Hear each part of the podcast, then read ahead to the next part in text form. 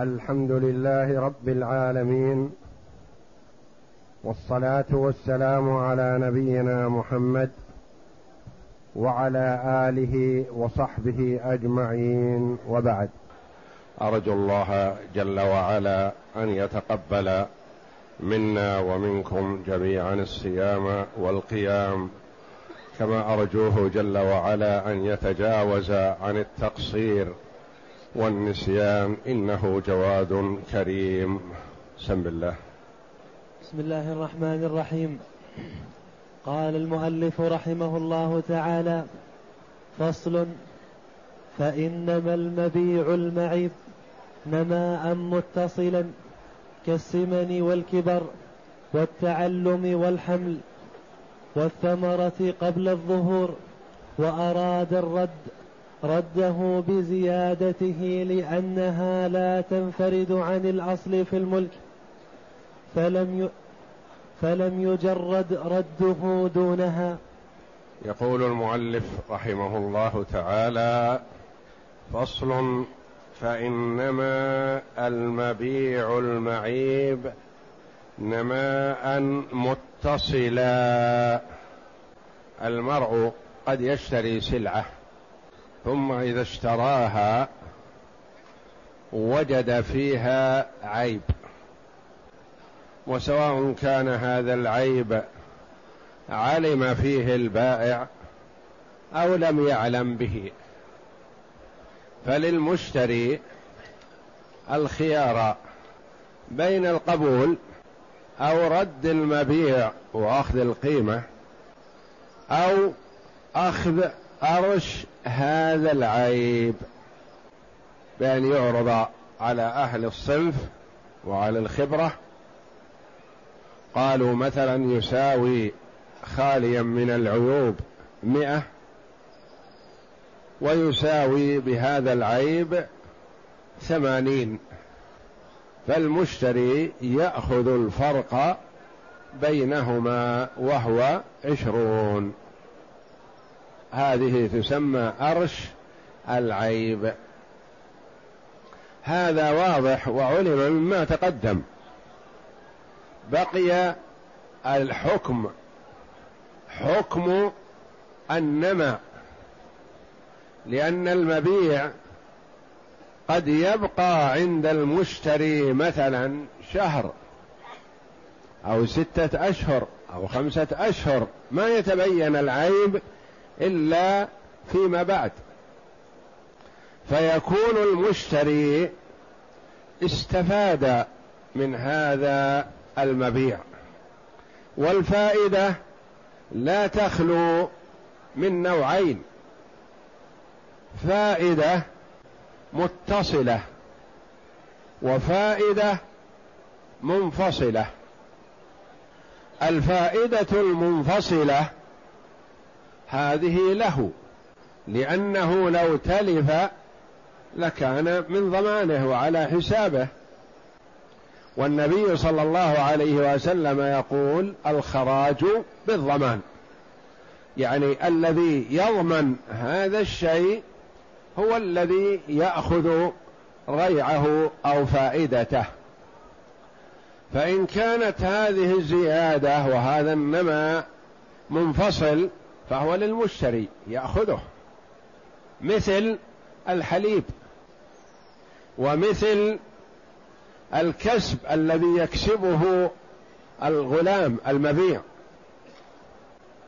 ومثل الركوب والاستفادة من السيارة أو من البعير في حمل الحمل من مكان إلى مكان والتنقلات هذا كسب أو يسمى نماء منفصل. هذا للمشتري لا يرد بدله لأنه لو تلف لكان من ضمانه. فما دام استفاد فهو له. نماء آخر يقال له متصل. ما ينفك عن المبيع. الدابة التي اشتراها كانت حائل ثم حملت. هذا الحمل في بطنها وهو يريد أن يردها. ماذا نسمي هذه الزيادة؟ متصلة. اشترى البعير وهو هزيل وضعيف ومهمل فقام عليه واعلفه فسمن. هذا السمن يسمى زيادة منفصلة؟ لا زيادة متصلة. الغلام الذي اشتراه مثلا أمي جاهل ما يقرأ ولا يكتب. فسيده الذي اشتراه علمه وأدبه وتعلم وصار معلم. فهذه الفائدة التي صارت في المبيع متصلة أم منفصلة؟ متصلة. فالمتصل يرد معه والمنفصل يكون للمشتري مقابل ضمانه. استثنوا مسألة. قالوا إذا كان النماء المنفصل النماء المنفصل الذي كان المفروض يكون لمن؟ للمشتري. في أمة من جهة من ولدها ولدت. قالوا لا يفرق بين الوالدة وولدها فيرد معها. فقول المؤلف رحمه الله فإنما المبيع المعيب يعني هو اشتراه على أنه سليم. فتبين فيه العيب فيما بعد. نماء متصلا كالسمن والكبر. كانت اشتراها سخلة صغيرة فشبت وزانت وكبرت. والتعلم والحمل والثمرة قبل الظهور. انتبه لهذه. اشترى نخل وقام عليه المشتري. فبرز طلعه ولم يتشقق بعد. ثم تبين في المشترى هذا عيب. إما من حيث الملاصق أو الجوار وأما أو عيب في البئر أو عيب في أي ناحية منه. فله أن يرده. والنماء المتصل كالثمر قبل الظهور. يرد معه. لكن ثمر تشقق. لمن يكون؟ يكون للمشتري. يرد النخل والثمر في فروع النخل له حتى الجذاذ. قبل الظهور. يرد معه. أما بعد الظهور فيكون للمشتري. وأراد الرد رده بزيادته لأنها لا تنفرد عن الأصل في الملك فلم يجز رده دونها. نعم وإن كانت. وإن كانت منفصلة كالكسب. كالكسب مثلا عامل اشترى غلام مثلا وجعله يشتغل باليومية.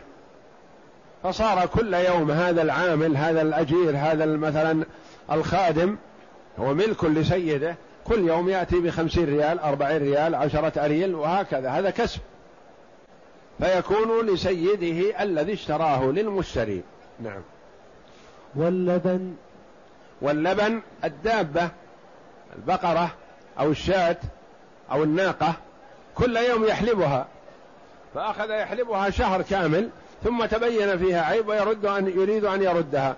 يقول له رد علي اللبن الذي حلبتها لمدة شهر أو قيمته؟ لا لأن الخراج بالضمان. نعم.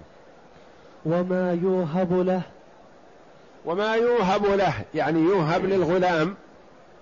يعطى شيء هو لسيده بلا شك لأن العبد لا يملك وإنما ملكه لسيده. نعم. والولد المنفصل. والولد المنفصل. مثلا اشترى ناقة حائل. ما فيها ولد. ثم ضربها الفحل فحملت. ثم ولدت. وبعد الولادة تبين فيها عيب وأراد ردها بالعيب. الولد لمن يكون؟ للمشتري لأنه نماع منفصل. نعم. والثمرة الظاهرة. والثمرة الظاهرة. الثمرة الظاهرة هذه تكون لمن؟ للمشتري كما عرفنا. لأن النخل إذا أبر فيكون لمن هو بيده لمن تولى التأبير الثمرة كلها إلا إذا شرطت كما تقدم لنا. يعني رجل باع نخل مثلا مؤبر فيكون الثمرة المؤبرة هذه للبايع. هذا الذي اشتراها هو بمثابة البائع الآن صارت ملكه. ثم أراد ردها بالعيب فيكون المؤبر له. للذي أراد الرد بالعيب. نعم. رد هذا بشرط أن تكون الثمرة هذه خرجت وبدت عنده في ملكه. وعبرت في ملكه فتكون له كما سيأتينا. نعم. رد الأصل وأمسك النماء. وعنه ليس له رد, رد. الأصل وأمسك النماء يعني الزائل الثمرة الزائدة نعم. وعنه ليس له رده دون نمائه. دون نمائه. والأول المذهب لما روت عائشة أن وعنه رواية عن الإمام أحمد رحمه الله ليس له رده دون نمائه. يقول إذا رد المبيع يرد كل ما استفاد منه. نعم. والأول المذهب هو الذي عليه العمل أنه أن النماء المنفصل يكون للمشتري. نعم. والأول المذهب لما روت عائشة أن رجلا ابتاع غلاما فاشتغله ما شاء الله ثم وجد به عيبا فرده فقال يا رسول الله إنه اشتغل غلامي. فقال إنه استغل إنه استغل غلامي. فقال رسول الله صلى الله عليه وسلم الخراج بالضمان رواه أبو داود. النبي صلى الله عليه وسلم أعطي جوامع الكلم يتكلم بالكلام اليسير الذي يكون قاعدة يطبق عليها أمور كثيرة. قال عليه الصلاة والسلام لما قال له هذا الرجل هذا الرجل الذي روت عائشة رضي الله عنها باع غلاما له فالذي اشتراه استغله يعني شغله ما شاء الله وقت طويل ثم وجد به عيب فأراد رده بعيبه فرده وقبله صاحبه الأول لكن يقول يا رسول الله إنه استغل غلامي يعني يمكن كسب من الغلام كثر قيمته. فقال عليه الصلاة والسلام الخراج بالضمان. يعني من عليه ضمان شيء ما فالفائدة له. الذي عليه ضمان الشيء هو الذي له فائدته. له غنمه وعليه غرمه. الخراج بالضمان. يعني الفائدة التي تجنى من وراء هذا تكون لمن عليه ضمانه. لمن لو مات صار على حسابه. إلا أن الولد إن كان لآدمية لم يملك ردها دونه لأنه لأن فيه تفريقا بينهما. وذكر. وذكر الشريف أن له ردها لأنه موضع حاجة. أشبه من ولدت حرا فباعها دونه. والأول أولى لأن الجمع ممكن بأخذ الأرش أو ردهما معا. وإلا أن الولد إن كان لآدمية فمثلا رجل عنده أمة ملك له وهي متزوجة. بزوج. وهذا الزوج رقيق سواء كان لسيده الأول أو لغيره. ثم إن مالك الأمة باعها على هذا الرجل على زيد. استلمها زيد وأبقاها في عصمة زوجها السابق. وحملت منه من زوجها وولدت من زوجها. الولد هذا عرفنا فيما تقدم وفي الفرائض أن الولد تبع لأمه حرية ورقا هي رقيقة. فولدها يكون رقيقا لمن؟ لسيدها الذي اشتراها أخيرا. بعدما ولدت هذا الولد تبين فيها عيب. ما استطاع أن يصبر عليها سيدها من أجل هذا العيب. فأراد أن يردها. ويبقي الولد الصغير له. يقول هذا يكون رقيق عندي لي. وأرد أمه بعيبها. فهل له ذلك؟ لا. قالوا لا يردها دون الولد. يقال له أنت بالخيار. إن شئت اقبلها بعيبها ولك ولدها. أو ردها بعيبها مع ولدها. ولا تفرق بين والدة وولدها لأن النبي صلى الله عليه وسلم نهى عن ذلك. والرسول عليه الصلاة والسلام يقول إذا أمرتكم بأمر فأتوا منه ما استطعتم وإذا نهيتكم عن شيء فاجتنبوه. نهى صلى الله عليه وسلم عن التفريق بين الوالدة وولدها فلا يجوز لنا أن ننتهك نهيه صلى الله عليه وسلم. لأنه كما قال الله جل وعلا وما ينطق عن الهوى إن هو إلا وحي يوحى. التفريق بين الوالدة وولدها فيه ضرر عظيم. فراعاه صلى الله عليه وسلم. وذكر الشريف من أئمة الحنابلة أن له ردها وحدها ولبقاء الولد له. نقول لما يرحمك الله؟ يقول أنا آخذ بالحديث الأول الخراج بالضمان لو ماتت صارت على حساب المشتري. فهذا الولد يكون للمشتري. وهذه حاجة عارضة مستثناة من التفريق. نقول طيب نقول أحضر لنا استثناء من التفريق. الرسول نهى عن التفريق فننتهي عنه. والأول يقول المو... الإمام الموفق رحمه الله والأول أولى يعني عدم التفريق. إما ردهم جميع ولا أقبلهم جميع. نعم. لأن الجمع ممكن. يعني ما هو متعذر. يقول تعال يا المشتري أنت. ظهر لك عيب. نعم. ظهر لك عيب. أنت بالخيار يا أخي. إما أن تقبل الأمة بعيبها مع ولدها لأنك تستفيد رقبة أو تردها مع ولدها وتأخذ قيمتك. أما أن تردها وتترك وتأخذ ولدها عندك فلا يا أخي لأن بهذا نقع في نهيه صلى الله عليه وسلم.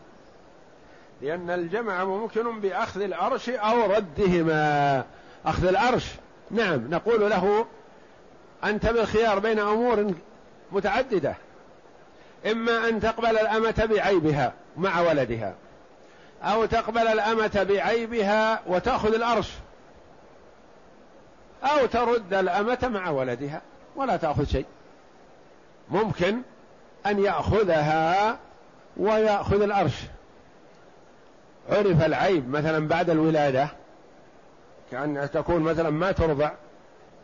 ما لها ثدي ما لها مجال للرضاع مثلا فتبين هذا العيب بعد ال... بعد الولادة. نقول تعرض الأمة على أهل الصنف على الخبرة في هذا الشيء.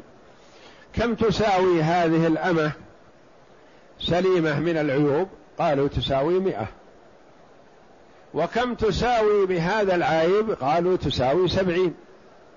نقول نعطي المشتري ثلاثين. الفرق بين المعيب والسليم. نعم. فإن كان المبيع حاملا فولدت عند المشتري ثم ردها رد الولد معها لأنه من جملة المبيع والولادة نماء متصل. فإن كان المبيع حاملا. أنا حينما مثلت بالناقة قلت حائل يعني ليس في بطنها شيء فحملت عند المشتري هذا الولد له. لكن هو اشترى ناقة عشراء ولدها في بطنها. ما بقي عليه إلا شهر أو أقل ويخرج. خرج. تبين في الناقة عيب بعد الولادة. فهل يردها بعيب مع ولدها أو بدون الولد؟ يردها مع الولد لأن الولد كان من ضمن المبيع لأنه موجود في البطن إلا أنه لا يباع وحده. نعم. نعم. فصل وإن تع... يكفي, يكفي قف على هذا وإن تعيب المبيع. والله أعلم وصلى الله وسلم وبارك على عبده ورسول نبينا محمد. وعلى آله وصحبه أجمعين.